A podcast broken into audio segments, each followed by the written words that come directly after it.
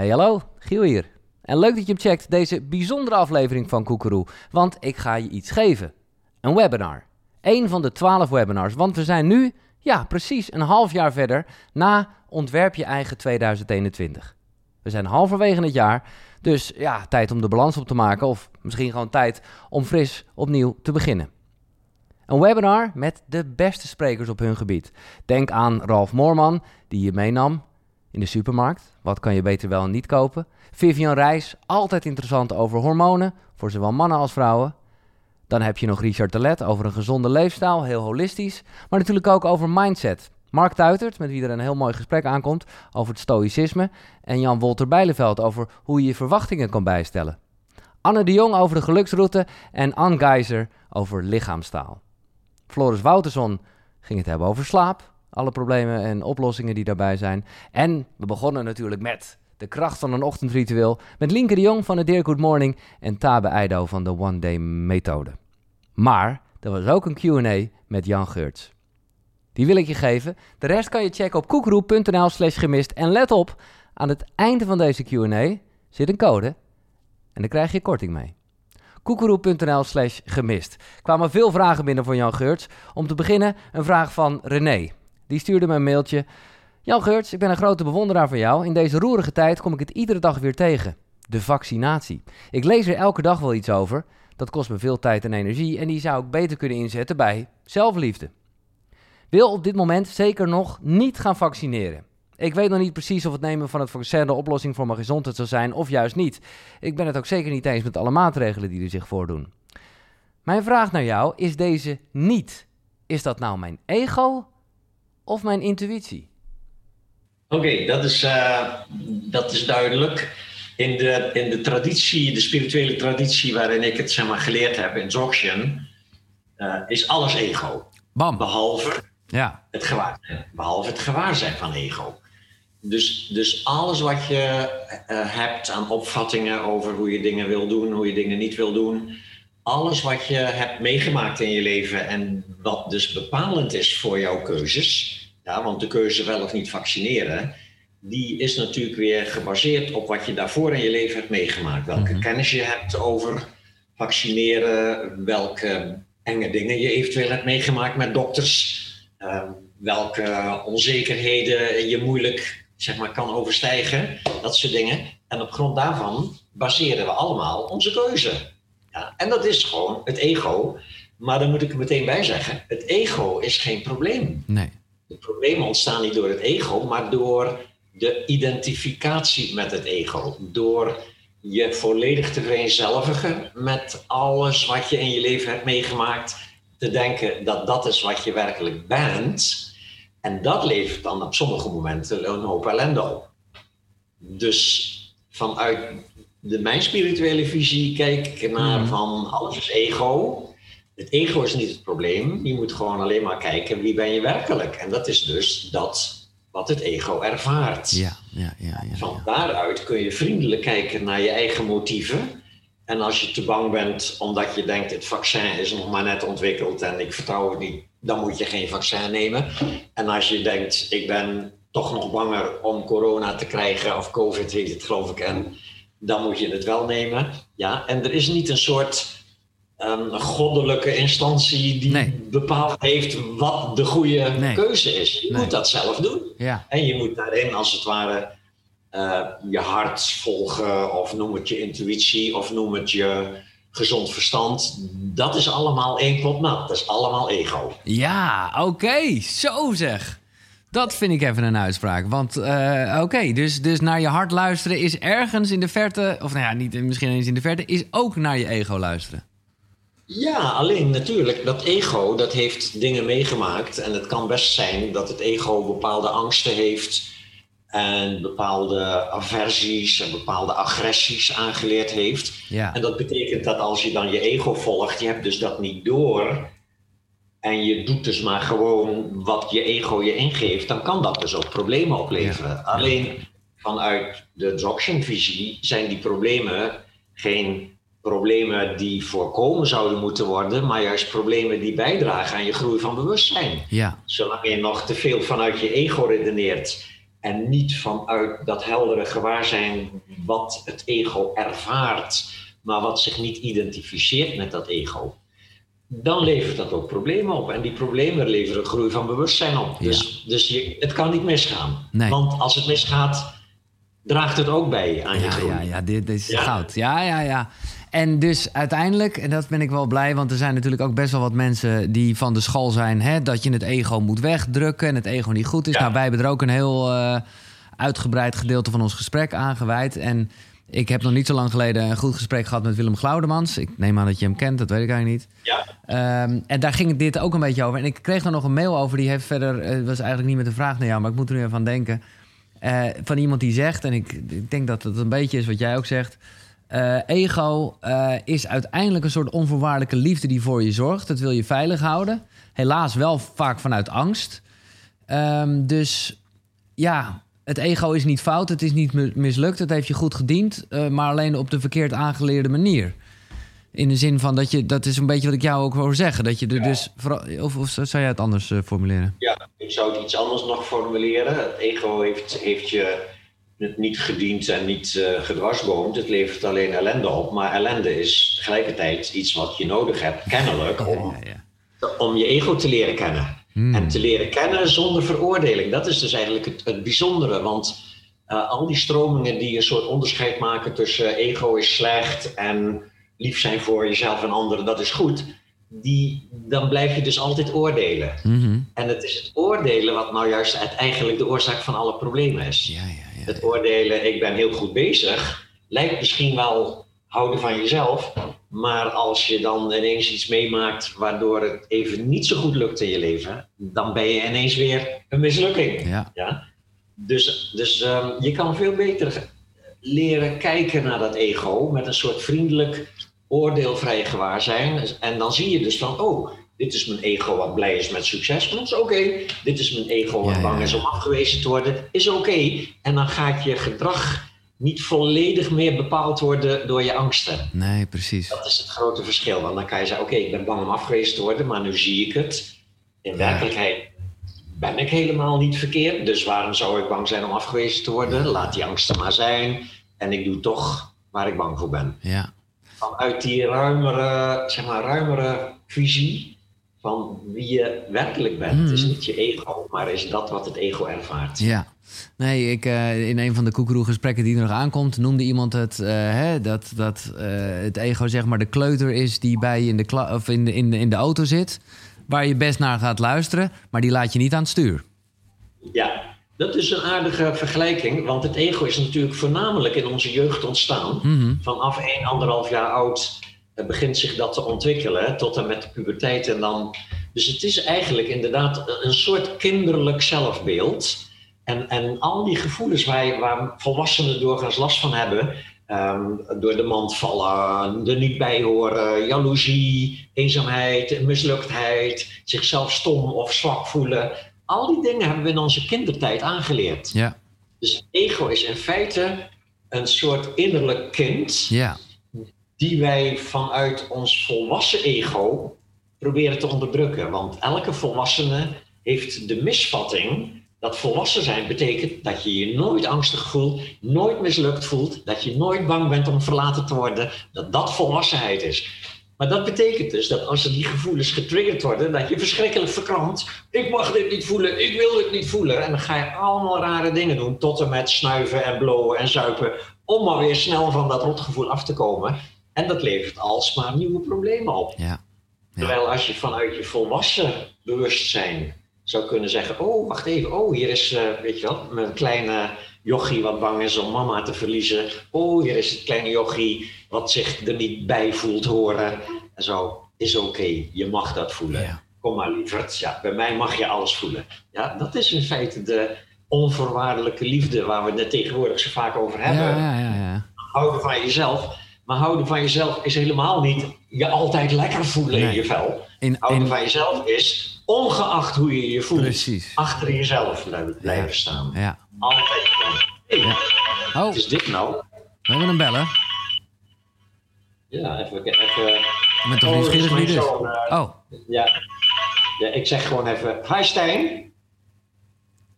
ik ben... Nee, want ik zit net in een uitzending met Giel Belen. Ik eh, bel je over een uur. ja, oké, doei doei. Je hebt de groeten van Steen. Oh, eh, leuk. Leuk. Is dat de zoon die naast je woont? Eh, ja. Ja. en die mijn, eh, al mijn website en dingen zo. Mooi. Ja. Oké. Ja, nou, dit was even, en misschien komt het nog terug in andere vragen, maar weer een uitermate hele fijne uiteenzetting hoe je dat eigen moet plaatsen. Dankjewel zo far. Ehm, eh, S, die heeft een vraag. Wat is het meest liefdevolle dat je kunt doen voor mensen die een groot gevoel van zelfafwijzing ervaren? ja, ik denk vooral luisteren. Ja, Eh, want ehm, luisteren zonder oordeel. Dus eigenlijk zonder de zelfafwijzing van die persoon af te wijzen. Want dat is wat we doorgaans doen, ja? Als je vriend of vriendin... zeg je, is toch niet nodig? Houd toch op, je bent een hartstikke leuk mens, schijt toch uit, weet je wel. Ja. En dan voelt iemand zich misschien heel even gesteund. Ja, Maar dat is dan omdat je iemand een beetje uitgeluld hebt. En het hele, de hele zeg maar, misvatting dat wat je voelt werkelijk waar is, ja, dat wordt er door in stand gehouden. Dus als iemand zich in een zelfafwijzing bevindt en je ziet dat, dan kan je dat zeggen. Oh, ik zie dat je in een zelfafwijzing vindt. Ik heb dat ook regelmatig. Daar begint het al mee. Het is niet raar. Je bent niet gek. Ja, het is volstrekt normaal dat wij mensen af en toe in een zelfafwijzing zitten. Ik heb het ook af en toe. Vertel me. Wat is jouw eh, zelfafwijzing vandaag? ja, ja. ja. En als je dan een beetje kan luisteren zonder, zonder, het, zeg maar, zonder, zonder mee te lijden. Mhm. Gewoon met bijna met een soort licht gevoel van humor. Ja. Jemers, ja, dat hakt er behoorlijk in, dat Ja. snap ik. Ja. Ja, zoiets begripvol, ja. maar ook niet meegaan in natuurlijk van ja, je bent een sukkel, dat klopt of zo. Dat moet je natuurlijk ook niet doen. Maar ook niet weerleggen, ook niet proberen een ander eruit te redeneren. Nee, precies. Echt een beetje een, een Socratisch gesprek, hè? zoals de Stoïcijnen dat zeggen. Dus echt Ja. eig- eigenlijk helemaal niet met te veel empathie. Maar gewoon, eh, nou ja, luisteren echt. Ja, luisteren, empathie mag wel, maar niet eh, meelijden. Nee, Meelijden is eh, dan heb je er last van. Hè? Dan, Ja. dan, vind je het, dan vind je het pijnlijk. En dan wil jij van je eigen pijn af en dan probeer je die ander dus te veranderen. Dat is typisch wat ego altijd doet. Jij hebt last van iemand en dan moet die ander veranderen. En die ander voelt dat natuurlijk weer als afwijzing en gaat proberen jou te veranderen. Ja, en zo houden ja. we de ellende in de wereld. Hè? Ja. Nou ja, een beetje in die lijn dan. Eh Carolien eh, die heeft zoiets van, ja, hoe ga je om met je omgeving als je zelf veel verandert? Zij zelf gaat downlevelen, zoals ze dat noemt. En ze heeft daar veel last van. Ja, als je zelf verandert, moet je eigenlijk ehm, bereid zijn om ook je omgeving mee te laten veranderen. Eh, maar dat kan niet altijd. Ik zie wel mensen die op het spirituele pad gaan, die gaan geleidelijk aan bepaalde vriendschappen verwateren, omdat ze daar niet meer in vinden wat ze, wat ze belangrijk vinden. En andere vriendschappen ontstaan, omdat je mensen ontmoet die ook met spiritualiteit bezig zijn en daar weer een soort betere verbinding mee ervaart. Maar je hebt natuurlijk ook, je hebt je ouders en je hebt je broer en zuster en ik ook een partner die niet meegaat. En ehm, dan ehm, is het inderdaad een uitdaging. En dan moet je dus proberen de nare gevoelens die je daardoor hebt af en toe. Bijvoorbeeld omdat mensen eh, jou gaan afwijzen. ehm, om dat gewoon maar zelf op te lossen en niet, niet zeg maar, die anderen weer terug af te wijzen. Dus begrijpen. Als je het kan begrijpen, ik begrijp, het dat, ik begrijp dat dit voor jou lastig is. Je ziet mij veranderen en jij verandert niet mee. En ik snap voor, dat het voor jou moeilijk is, maar voor mij is dit gewoon heel belangrijk om, om mijn leven de- op deze manier in te richten. Dus als je het echt te moeilijk vindt, moet je niet meer met mij in contact komen. Zoiets. Dus Ja. begripvol, maar het probleem ligt bij de ander. Ja, En, en als je gaat downlevelen, dan ga je als het ware proberen te camoufleren dat je al zeg maar veranderd bent ten opzichte van die persoon. ja, En dan, eh, en dan eh, hou je dus een relatie in stand die eigenlijk niet meer werkt. en kost het inderdaad heel veel energie. dat- En, dat- ja. ja, dat doe, je uit, dat doe je uiteraard uit angst, want je bent misschien wel bang dat die ander jou gaat afwijzen als je zegt ik hoef geen relatie meer met je. Eh, maar dat moet je dan maar gewoon nemen. Dat Ja. is dan je spirituele zeg maar, werk. Ja, duidelijk. Eh, ja, relaties. Daar gaan we toch ook even een blokje over doen. Daar zie ik nu heel veel over binnenkomen. Je bent nog in de mogelijkheid om je vraag te stellen. En dit is vrij uniek. Ik vind het echt te gek dat we hem gewoon hier hebben. eh, nog eh, ruim een half uur. Dus stel je vraag. Ehm, maar over relaties. Ja, Kim van Huigenbos, dat gaat een beetje over onvoorwaardelijke liefde in de relatie. Maar tegelijkertijd weet ze ook, hè, we, vorige keer heb jij het gehad over een spirituele relatie. Maar zij zegt, ja, als je een ander niet nodig hebt, wat is dan een goede relatie? Ehm, dat, dat veronderstelt dat als je spiritueel bezig bent, als je op het spirituele pad bent, dat je dan geen ander meer nodig hebt. Maar dat blijft namelijk wel het geval, want het is het ego wat andere mensen nodig heeft. Ja. En het ego moet niet om zeep geholpen worden, zou ook niet eens lukken. Nee. Uh, dus, dus ook als je op het spirituele pad bent, heb je andere mensen nodig. Ja. Het is een misvatting en sommige spirituele tradities uh, lijken dat te propageren, dat je je niet meer mag hechten aan mensen als je spiritueel beoefend bent. Gehechtheid is de oorzaak van al het lijden. Ja, dat is wel waar, maar je moet niet de gehechtheid, niet de hechting beëindigen. Alleen maar jouw neiging om eronder te lijden, als waar je aan gehecht bent, uit je leven verdwijnt. Ja, ja. Een, Daar moet je een, aan een essentieel verschil, maar wel, ja, ik Ja. snap hem, ja, ja. Je? Dus mensen die zeggen: Ik begin er niet meer aan aan relaties, ik heb niemand meer nodig, zijn in feite mensen met bindingsangst. Ja, En dat, daar gooien ze een spiritueel sausje overheen, alsof dat eh, naar verlichting zou leiden. nee. Dus nee, ga gerust eh, je relaties aan. Je houdt van partner, van je kinderen, van je ouders, van je familie eventueel ook. Die liefde, dat is ook een vorm van hechting vanuit het ego. Ja. En dat moet je gewoon niet blokkeren, niet tegenhouden. Dat hoort erbij. Dus de spirituele ontwikkeling zit hem erin dat je ook, als het ware, een soort innerlijke liefde ervaart, die niet afhangt van of de relatie met die persoon wel of niet goed is. Ja. En dat is waar je op terug kunt vallen als er spanningen zijn. Die spanningen moeten dus niet voorkomen worden door je niet te hechten aan iemand. Die spanningen komen gewoon. Ja. In elke relatie Ja. komen die terug. En, en op het moment dat je ook contact hebt met een soort innerlijke, soort van inherente staat van welbevinden, van zeg maar inherente liefde en helderheid, dan kun je die pijnlijke gevoelens die ontstaan omdat de hechting gaat schuren, Mhm. die ga je dan hebben. ja. Hoef je daar niet helemaal van in paniek te raken. En ook weer... Ja, sorry? En dan ook, ja, dus dat is, dat is, als je erin van, van in paniek raakt, dan ga je natuurlijk meteen die ander weer Ja. veroordelen over het feit dat die dingen doet waar jij dan last van hebt. En, da- en dan krijg je in no time, wat, wat verliefdheid in het begin doet, dat die wederzijdsheid is het belangrijkste deel van het begin van een relatie. Ja, ik vind jou zo leuk omdat je mij zo leuk vindt. En dat vind jij weer heel erg leuk en Ja. daarom vind ik jou zo leuk. Ja. Dus het gaat heel snel heen en weer. En binnen ja. Een uurtje samen zijn kan je al helemaal gek zijn Ja, van verliefdheid. Dat is prachtig mooi ook.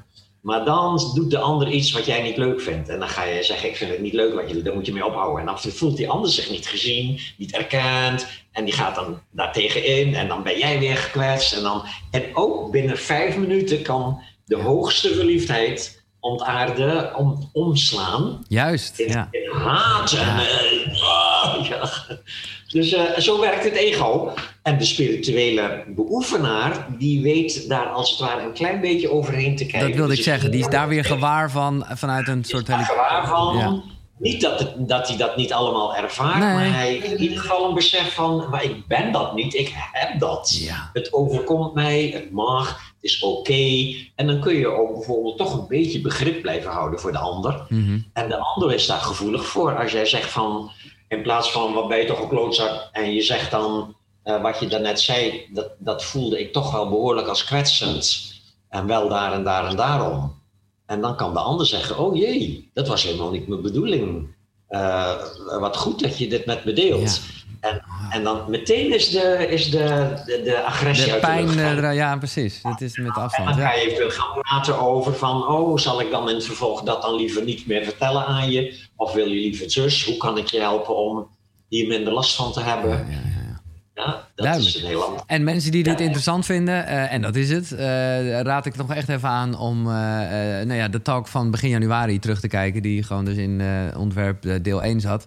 Want daar echt ook gewoon met leuke facts over hoe liedjes in de popmuziek eigenlijk al heel desperate zijn en, en al de verkramping aangeven van een menig relatie. Dat zit er allemaal in. Eh, iemand zegt hier: bindings- en verlatingsangst komt uit de relatie die je had met je vader. Hoe kun je dat stuk helen zodat je de juiste partner aantrekt?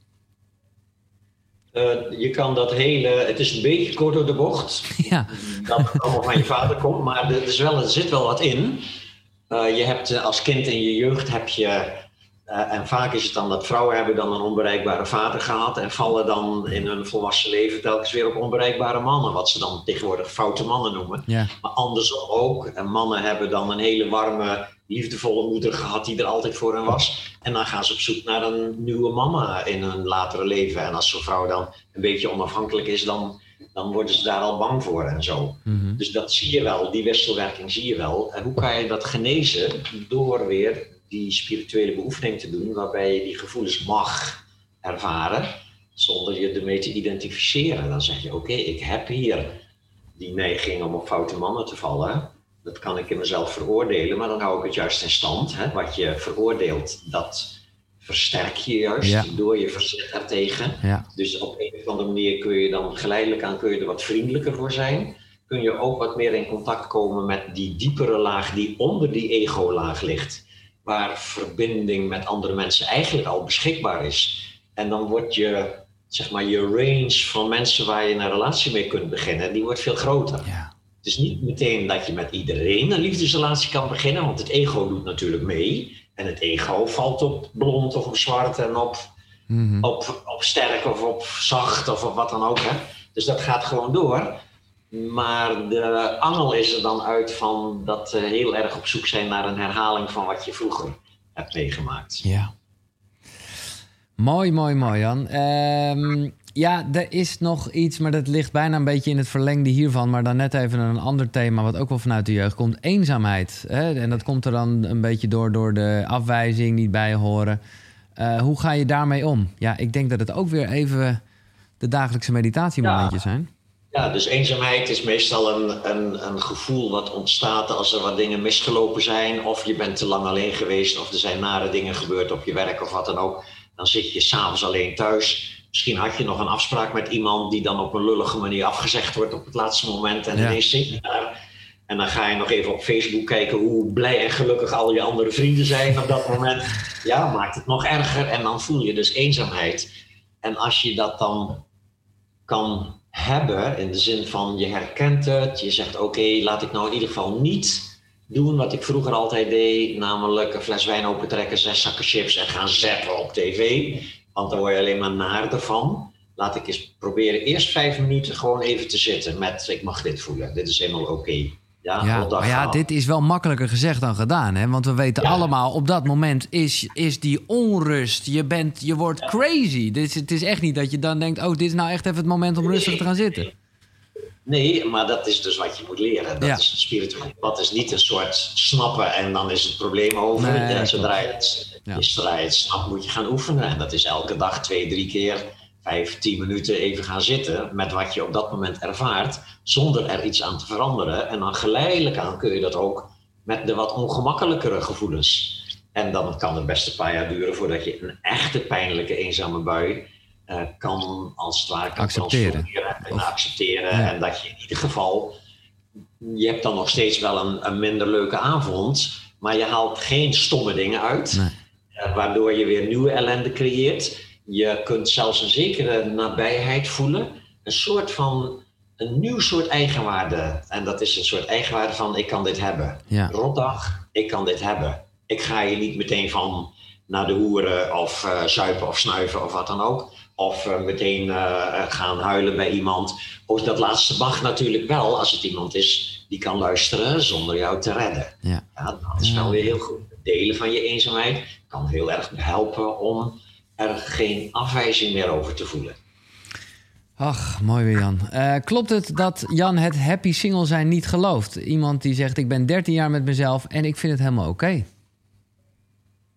Ja, waarom, wat zou het zijn dat ik dat niet geloof? Ik weet het ook niet. eh, Nee, volgens mij ben je het levende bewijs. Ik denk dat, eh, dat, dat happy single wel kan, ja. En een happy relatie kan ook. En het is nooit de hele tijd happy. Nee, Ja, dus de happy single heeft zijn, heeft zijn moeilijke momenten. En natuurlijk, sommige happy singles zijn heel erg goed in het wegdrinken of snuiven of onmiddellijk eh, leuke dingen gaan doen om maar geen last te hebben van nare gevoelens. Dat kan je in een tijdje kan je dat behoorlijk volhouden. En dan komt er natuurlijk ergens komt er gewoon een crisis in je leven. En dan ga je met je ongemak aan het werk als je kennis hebt van spiritualiteit. Ja. Dus en dat geldt voor relaties en voor singles. Dus in principe, onze wat zeg maar, diepere staat van zijn hangt helemaal niet af van of je nou single bent of een relatie hebt. Die hangt af van hoe de relatie is met jezelf. Met je ego. Dus ook hoe jij je eigen ego, zeg maar, of veroordeelt, of uh, zeg maar klakkeloos volgt in zijn impulsen of dat je er liefdevol naar kan kijken en kan selecteren. Oh, mijn ego wil dit, maar laat ik dat nou maar niet doen, want het levert een hoop shit op. Ja, en, en dat soort dingen. Ja, nou dat geeft al een beetje antwoord op de volgende vraag van Mark. Uh, over het gewaarzijn eigenlijk. Je bent de toeschouwer van je ego, van de rol die je speelt in je leven. Is het dan echt sit and watch? Of kun je nog invloed uitoefenen? Ja, dus juist, begrijp ik. Ja, het is grappig, eh, want uh, die, die heeft wel gelijk dat gewaarzijn zelf geen invloed uitoefent, maar door de helderheid en de oordeelvrijheid waarmee gewaarzijn, en gewaarzijn is dus eigenlijk je, op dat moment je werkelijke ik. Ja. Dus op het moment dat je vanuit helderheid, liefde en vrij van oordeel kijkt naar dat ego, ja. gaat dat ego zich gedragen um, volgens die liefde en die helderheid. Dus je kan niet echt zeggen, het gewaarzijn besluit nu om te gaan fietsen in plaats van te gaan blowen. Nee. Het gewaarzijn is lief, lief, liefdevol aan het kijken naar je neiging om te gaan blowen. Maar je denkt, ach, dan ben ik een hele avond weer duf en morgen uh, dan weet je wat, ik ga fietsen. Ja. Dat vanuit die vriendelijkheid, om jezelf een plezier te doen. Ja.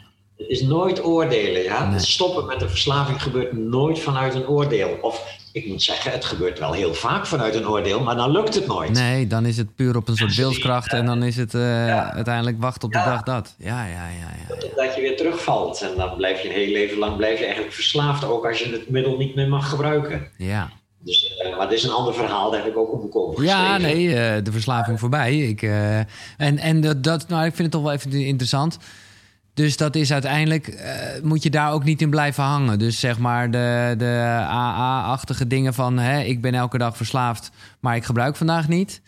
Ja, dat is een, een methode die voor een deel een positief effect heeft. Met name omdat mensen die in deze fase zitten elkaar helpen. dat is een mooi aspect van ja. ja. Maar er zit ook een een, naar mijn idee een aspect in wat helemaal niet bijdraagt aan bevrijding van de verslaving. En dat is inderdaad dat het is een ziekte, je komt er nooit vanaf, je moet je hele leven alert blijven om niet terug te vallen.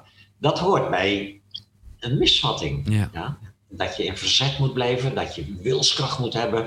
Uh, want dat houdt ook namelijk de illusie in stand dat het wel heel erg lekker is. Ja. Maar het mag niet meer omdat het zo ongezond is en omdat je relaties er stuk lopen en dat soort dingen. Maar het was niet eens heel erg lekker. Als je werkelijk goed kunt kijken, dan zie je dat dat lekkere, dat is maar een heel dun laagje. En meteen daaronder zit iets heel naars. En dat is onvrijheid mm. en zelfafwijzing. Wat ja. alle verslaafden hebben, ze voelen zich onvrij en ze wijzen zichzelf af over dat ze te slap zijn om ermee op te houden. Maar goed, kijk, het ding is natuurlijk dat die, hè, die paden zijn dan helemaal aangelegd, zou je kunnen zeggen. Hè? Dus dat is een patroon dat, dat erkend wordt. Ja, het is toch bijna een utopie om te denken dat je nooit meer in een, in een ongemakkelijke staat bent, waardoor dat de uitweg lijkt?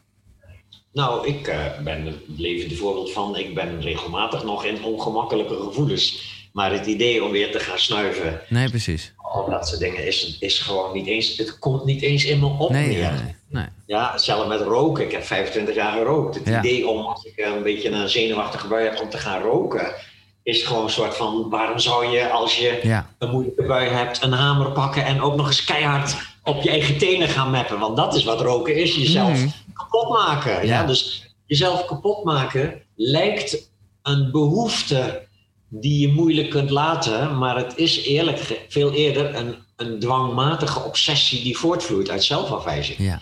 Dus als je zelfafwijzing opgelost is in dat liefdevolle gewaarzijn, kan je geen dingen doen waar je van gaat lijden. Nee. Dat is het hele. Waarom Nee. zou je opzettelijk jezelf lijden toebrengen? Dat kan je alleen maar doen als je in een neurotisch soort conflict met jezelf zit. Oh, wauw. Ik heb weer een... Ik, eh, ik ga binnenkort, we hebben het er toen over gehad, ik ga binnenkort Vipassana doen, Jan. Ik heb er echt zin in. Ik, eh, Ah, oké, dat wordt een, eh, een, een, een pittig weekje discipline dan. Ja, precies. Uh, Anne, die stuurt een vraag. Als vijftiger is het mij nog niet gelukt om echt monogaam te blijven in de relatie. Ik heb geen bindingsangst, trauma of wat dan ook. Ik vind het moeilijk om verleidingen te weerstaan. Is dit door mijn ADHD? Mm, dat, dat, wat de psychische reden is, is minder belangrijk dan dat je kennelijk dus een opvatting hebt dat. Oh, moment suprême. En staat oh. in iemand anders dat je dat begint met meteen met te veroordelen.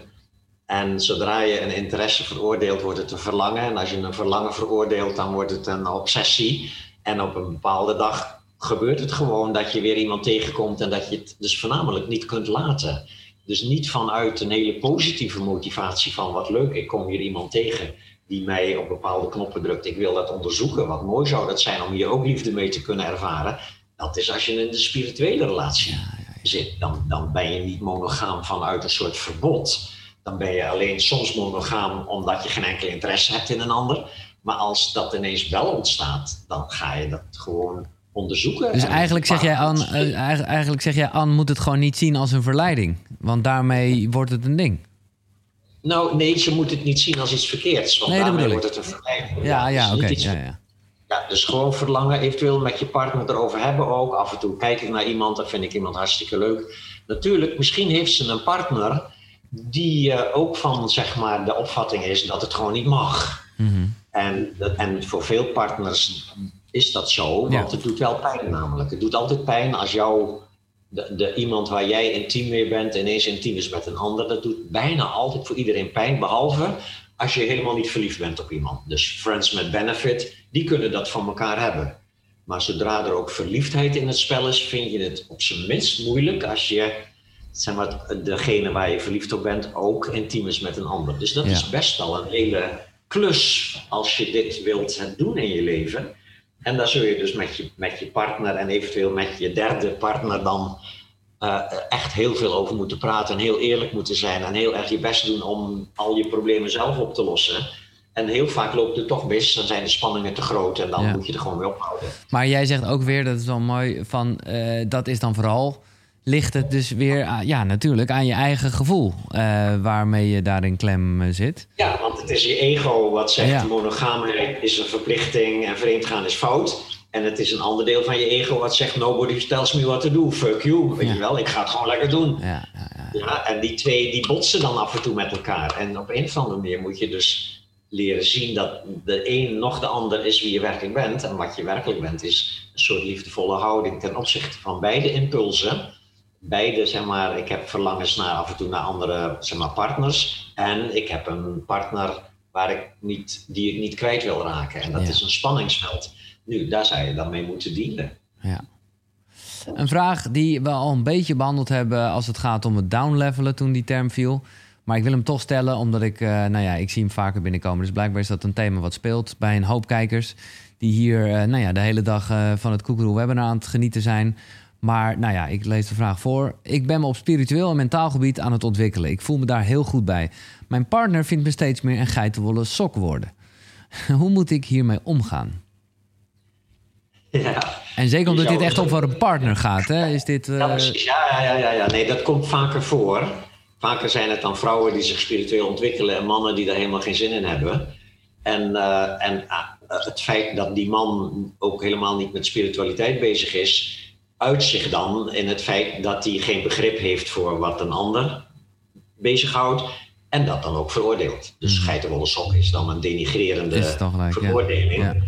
En uh, ik zou uh, meteen een pittig gesprek met mijn partner gaan houden en zeggen van wie denk je wel dat je bent? Dat je mij kan veroordelen over iets wat je niet begrijpt. Bam. Ja. En als dat zo blijft, dan ga ik bij je weg. Want dit zijn dingen, dit, dit moet je echt niet lang pikken. Nee. Want dan kom je in een hele nare situatie terecht. En natuurlijk, de eerste reactie als je ook maar overweegt om zoiets te doen, is angst. Ook dat moet je eerst omhelzen. Dat is normaal. Normaal in een relatie en de ene partner ontwikkelt zich een andere kant op dan de andere. Ja, of de andere ontwikkelt zich helemaal niet. Dat, dat kan natuurlijk ook. En dan ga je dat bespreekbaar maken. Ja. Dan, dat, dat is angst, beangstigend, want je bent altijd bang om afgewezen te worden door je partner. En deze partner doet dat dus kennelijk ook. Ja, dus dan moet je die afwijzing moet je gaan trotseren. In de zin van, ik ben er bang voor, maar ik ga het niet uit de weg. Want als Nee. ik uit de weg ga, dan ben je jezelf aan het afwijzen. Ja, ja. Dat is het punt. Dus je kan Nee, beter vandaar dat jij er best pittig in bent. Jij, jij geeft gewoon wel goed je grens aan. en Helemaal niet van. Nou ja, eh, je kan er wel begrip voor hebben waarom iemand het misschien denkt en zo. Maar je hebt. Ja, je- je- Ja, nee, als het echt denigrerend is, want Ja. het kan ook een grap zijn natuurlijk. Als iemand zegt van jeetje, ben je weer aan het navelstaren, maar een beetje lacherig, een beetje soort van. Je kan er ook eerst met wat humor en zo. Maar je voelt wel, je voelt gauw genoeg of iemand denigrerend afwijst of een soort grapje maakt over iets wat hij niet helemaal begrijpt. Dus dat bedoel ik. Als je het gevoel hebt dat je afgewezen wordt door een partner, dat moet je onmiddellijk bespreekbaar maken. ja, ja, ja. Dat, dat mensen die accepteren dat hun partner hun afwijst, zitten in een zelfafwijzing en dan gaat het, je ellende gaat echt toenemen. Ja. Ik ben single en nu sinds kort op het spirituele pad. Ik merk dat ik bang ben om aan een nieuwe relatie te beginnen. Bang dat me weer dit van dit pad afhaalt. Ja, dat is, eh, dat, dat, ik zou zeggen, angst is misschien te sterk, maar het is heel goed om daar bezorgd voor te zijn. Oké, Om daar alert op te wees zijn. scherp op. Ja, ja, ja. Ja, en dat betekent dus.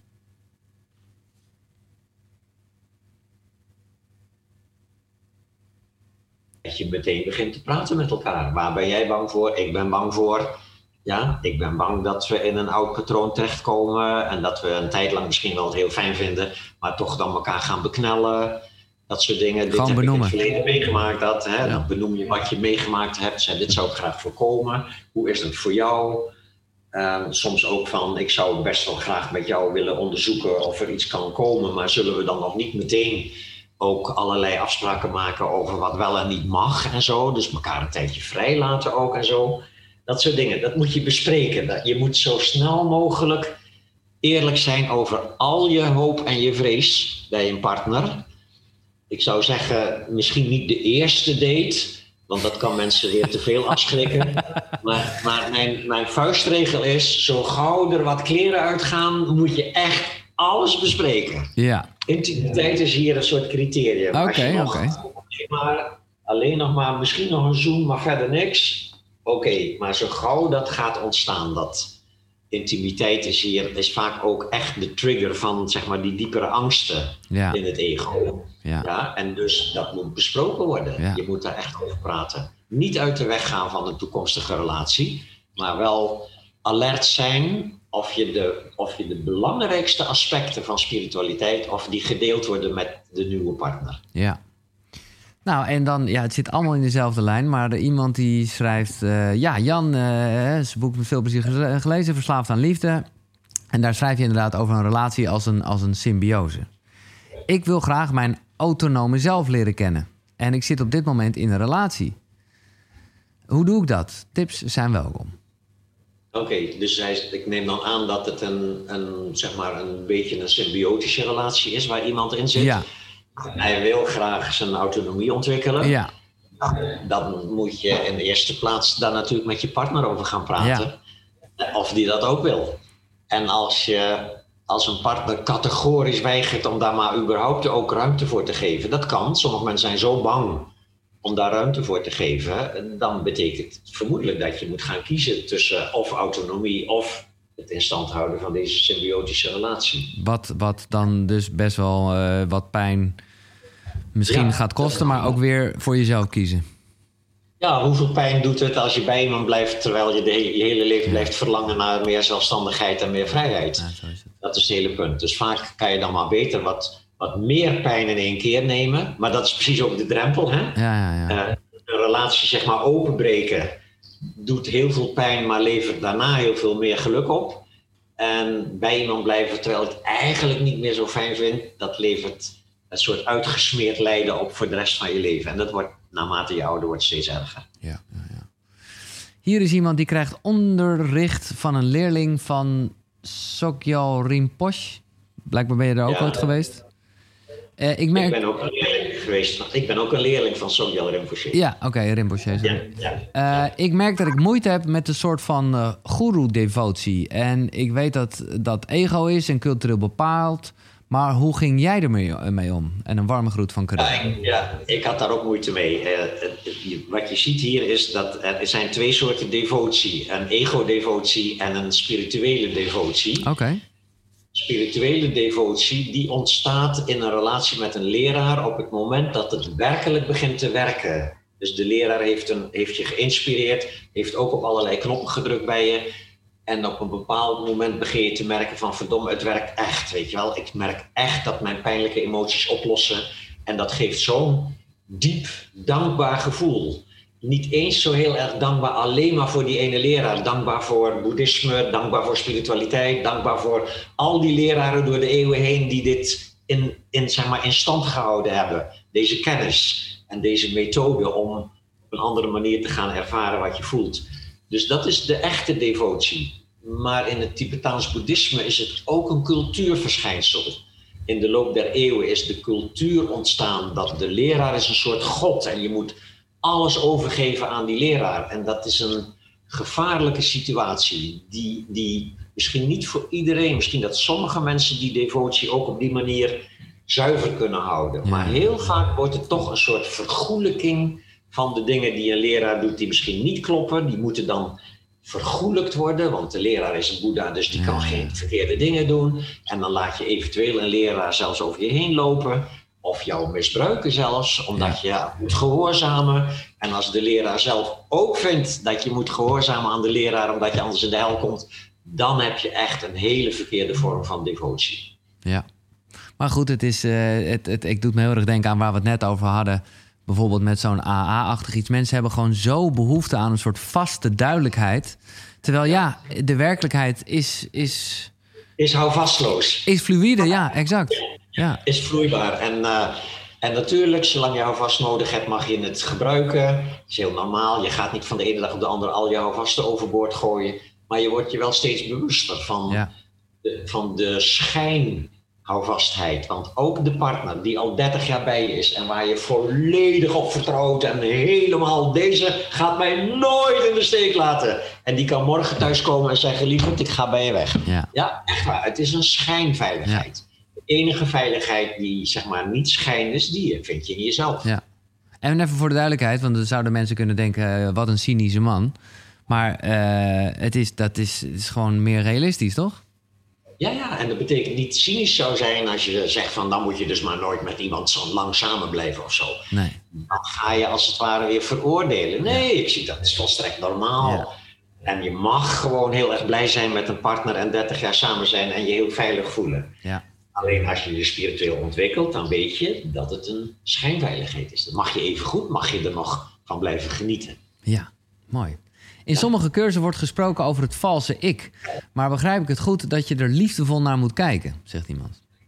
Ja, e- ego als een soort uh, valse ik. En in de zin van het, het lijkt of dat je ik is, je ego, terwijl het in werkelijkheid niet je ik is, maar alles wat je ik heeft meegemaakt in dit leven. Dus je naam en je geboortedag en, en al die dingen en alles, alle nare dingen, alle leuke dingen die je in het verleden hebt meegemaakt en vooral in je kindertijd die voelen dan als dat ben ik. Ja. En dan ga je ook vanuit die schijnbare ik, de, dat onjuiste gevoel van je onjuiste ik-gevoel, ga je dus je leven leiden en dat levert dan allerlei problemen op. Ja. Maar, dus, het is, en, dus het, en, en je moet dus niet het onjuiste ik om zeep helpen. Nee. Want dan creëer je gewoon een ander onjuist ik. Ja. ja. En je moet alleen maar zien dat jij dat ik niet ben. Dat jij niet de verzameling bent van al je ervaringen, maar dat jij de ervaarder bent van die verzameling van al je ervaringen. Ja. En hier komt dan iemand, dit is juist wel wat we een beetje aangesneden hebben, maar ik vind dit mooi omdat het gewoon, nou ja. Uh, vraag je over de intentie van het ego, als die er überhaupt kan zijn. Is de intentie van je ego om onvoorwaardelijke steun en liefde, die soms uh, onhandig uitpakt, aan jezelf te geven? Dus is dat in de basis positief? Nee, de intentie van het ego, de basisintentie van het ego. Is angst. Is, is angst en gebrek. Maar zou je niet kunnen zeggen dat angst eigenlijk een schreeuw om liefde is? Ja, maar dat dan wel een angst. Uh, ik moet het eigenlijk anders formuleren. De basishouding van het ego is. Geluk en je goed voelen komt van buitenaf. En als van buitenaf te lang ontbreekt, dan komt van binnenuit komt angst en behoeftigheid. Ja, Dus men, men identificeert zich met dat ego als een behoeftig kind, wat we dus inderdaad ook de eerste jaren van ons leven geweest zijn. Dus daar is het ook aangeleerd. En vervolgens hebben we geleerd hoe we die behoeftigheid kunnen toedekken door de zin van onze ouders en opvoeders te doen. Dus alsmaar moet je aan voorwaarden voldoen om weer aardig gevonden te worden. Ja, dus dat hele ecosysteem is van mezelf kan ik niks, ben ik niks. En ik ben wel iemand als anderen mij aardig vinden, Dan... of geld geven, of lief hebben, of met me willen vrijen. Zo, dat is allemaal, moet allemaal van buitenaf komen. En dat heet dus een soort van um, ontleende eigenwaarde. Ja. Ja, dat is het. Dat is de, het ego is eigenlijk één mentale constructie die gericht is op het elke dag weer binnenhalen van liefde en herkenning van buitenaf. De vragen die, die glijden zo achter elkaar als domino-steentjes passen ze aan elkaar. Uh, want hier stelt iemand een vraag, een grote vraag. En uh, ja, als je het even uh, kan antwoorden, dan zou de rest van de wereld heel blij zijn. Maar het sluit u wel op aan. Hoe kom je van een voortdurend gevoel van niet goed genoeg zijn af? Mijn verstand snapt dat het nergens op slaat, maar ja. Ja, ja dat is, daar heb ik de afgelopen week een hele week les over ah, gegeven. Ah, okay. die, die zelfafwijzing is dus aangeleerd. Ja.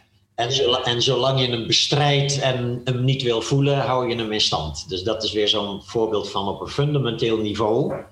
Hou je het in stand door het, door het, niet, door het ongemakkelijke gevoel. Want het is een ongemakkelijk gevoel. Het is ontstaan in je jeugd op momenten dat ouders en opvoeders even niet aardig voor je waren. Ja, of niet dan waren. hoor je van, jeetje, het is nooit goed genoeg en zo. En dan leer je dat aan over jezelf. En dan als volwassene heb je rationeel wel al door dat dat niet klopt, maar op het moment dat er weer op die knop gedrukt wordt, heb je daar niks aan. Want dan voel je je gewoon weer niet goed genoeg waardeloos mislukt. Ja? Dus wil je dat overstijgen, moet je eerst doorhebben dat je niet het gevoel moet beëindigen. Want zolang je dat probeert, ben je dus bezig met het weg te zuipen, weg te snuiven. Of mhm. zo snel mogelijk weer iemand te vinden die elke dag zegt: Je bent mooi en lief. Ja, dat gaat altijd maar een heel klein beetje werken en heel tijdelijk. En dat komt alsmaar weer terug ja dat je niet goed genoeg voelt. Nee, je moet leren om het gevoel zelf te voelen. En, en het gevoel voelen betekent dat je je verzet opgeeft vanuit dat heldere gewaarzijn. Kijk naar dat gevoel, ik mag dit voelen, ik ben dit niet, laat me dit maar gewoon voelen. Dat is helemaal oké. En zolang, zodra je je verzet kunt opgeven en het gevoel dus gewoon kan voelen, ben je het niet meer. Dit is het grote verschil tussen je bent eenzaam of je hebt het gevoel eenzaamheid. Je bent mislukt en niet goed genoeg. Dat voel je omdat je het niet wil voelen. Ja? Zodra je zegt, oh, hier is mijn gevoel. Ik ben mislukt en niet goed genoeg. Laat ik dat eens goed bekijken. In eerste instantie is het nog steeds een ongemakkelijk gevoel. Het is niet meteen klaar als je dit thuis gaat proberen. Ja, het blijft een tijdje ongemakkelijk. Maar gewoon door te ontspannen dus, dus het ego wil van een rotgevoel veranderen naar ontspanning. Maar de beoefenaar zegt: Ik ga ontspannen in dit rotgevoel. Laat mij maar gewoon dit voelen. Oh. Het mag. Het mag. En als je dat dan lang genoeg oefent, want het kan echt een paar jaar duren, maar dan ergens komt dat moment dat het oplost. Dat je het gewoon ineens herkent van: Het is eigenlijk geen probleem. En het was eigenlijk nooit een probleem. maar omdat ik het dacht dat ik er iets tegen moest doen. Ja, werd het een probleem. Ja, we zijn rond wat mij betreft, maar dat is misschien heel persoonlijk. Ik, vind, ik zie nog heel veel vragen binnenkomen, allemaal zo specifiek. Het is uh, wel al uh, het is bijna tijd, Nee, daarom, daarom. ik, ik, ik, ik wil één, één, één persoonlijke vraag aan jou stellen. En dat is misschien een gekke vraag, maar dat is wel iets wat, wat, wat, uh, wat ik me oprecht afvraag. Voelt het soms niet... ja, hoe, nou, nee, laat ik de vraag openstellen. Hoe voelt het om eigenlijk de hele tijd um, mensen, zeg maar, uh, te vertellen hoe, en uit te leggen om beter gewoon in het nu en in het gevoel te zijn? Want op het moment dat je daarmee bezig bent, ja, zou je kunnen zeggen dat je in je eigen leven daar niet mee bezig bent. Ah, ja, ja, ja, ja. Ja, nee, ik, uh, ik, ik, ik denk juist, ik ben er in mijn eigen leven heel veel mee bezig. Uh, Zo'n beetje elke dag. Hmm. Elke uur kan je wel zeggen. Niet dat ik de hele dag zit te mediteren, maar wel telkens als er iets ongemakkelijks gebeurt, dat is iets wat ontstaat in de loop der jaren dat je deze, deze zeg maar, Dzogchen-methode uh, gebruikt. Ja.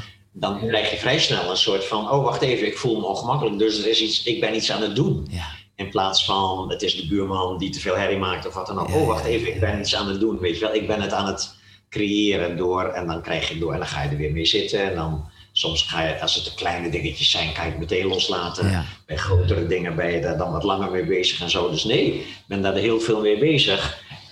Los daarvan, ik vind het gewoon leuk om andere mensen uh, zeg maar les te geven. Uh, dat is ook mijn ego. Ik heb gewoon zo'n ego, een soort, beetje een soort reddersego, ja. kan je wel zeggen. Ik, ik, ben, ik kwam daarachter toen ik nog in Amsterdam woonde.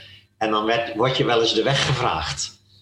En dan dat vind ik altijd zo leuk. Dan vraagt iemand waar is de Weteringschans bijvoorbeeld. En dan zei oh, dan moet je daar en dan daar. En bij je ligt dat, dat. En dan voel ik me meteen al een soort blij worden. Is wel waar, dat is een fijn gevoel. Dus ik zie, oh wacht even, mijn ego vindt het gewoon leuk om mensen de weg te wijzen.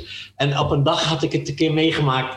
Ik had iemand de weg gewezen. Ik zie de persoon nog wegrijden met de auto. En ineens besef ik dat ik het helemaal verkeerd heb verteld. Oh. Ik voelde meteen schuldgevoel ook. Oh mijn god, ik kan ik het nog inhalen of zo. Van je gaat verkeerd. Zoiets dat dus dat, dat is allemaal ego. Alleen ik was toen wel al een beetje helder. Dus dan kan je zien, oh kijk, mijn ego nou eens zich schuldig voelen over het verkeerde wegwijzen en zo. Dus dat mag allemaal. Ik mag dus ook gewoon een ego hebben wat ik leuk vind om mensen te vertellen hoe ze blijer kunnen worden. En daar word ik dan zelf ook weer blij Nou ja, ik ben er heel blij mee ook weer, precies. Dus het is uh, helemaal goed. Maar dat, dat ja. Tof Jan, ik hoop uh, dat je toch nog even een beetje ontspanning vindt uh, deze dag. Ga lekker je zoon bellen. Oh ja.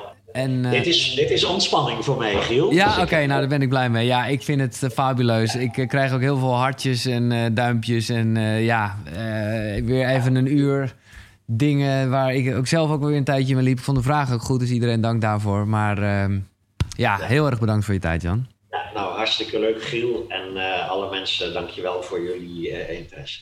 Och, wat een baas is het toch. Jan Geurts. En wat gaaf dat hij tussen twee retretes door toch even de tijd nam om uh, vanuit Frankrijk, vandaar ook die verbinding, eventjes deze Q&A wil doen. En jullie bedankt als je een vraag gesteld hebt. Dit is dus één van de twaalf webinars over ontwerp je eigen 2021. Geloof me, een boost om gewoon even wat dingen onder de loep te nemen en hele praktische tools. Je kan alle webinars zo lang terugkijken en zo vaak natuurlijk als je zelf wilt koekeroe.nl slash gemist. En ik had je een koning, uh, kortingscode beloofd. Nou, bij deze, de code is geheim. Dus G-E-H-E-I-M. Met die code krijg je 10 euro korting. En dat is aanzienlijk, want dat is uh, eh, 30%. Nou goed, check het zelf op koekeroe.nl slash gemist. Tot zover. Deze bijzondere meer webinars vind je ook op de site natuurlijk. En dat is... Koekeroe. Koekeroe. Koekeroe. Ja, k-u-k-u-r-u.nl. Uh, bedankt voor het luisteren. Ik ben benieuwd wat je ja, van deze Q&A vond. Net even wat anders dan normaal natuurlijk. Laat het onder in de reacties als je van YouTube bent. Vergeet er ook niet te abonneren. En als je via iTunes checkt, laat eens een keer een recensie achter. Dat zou ik leuk vinden. Dankjewel, tot de volgende. Zonnegroet. Hoi.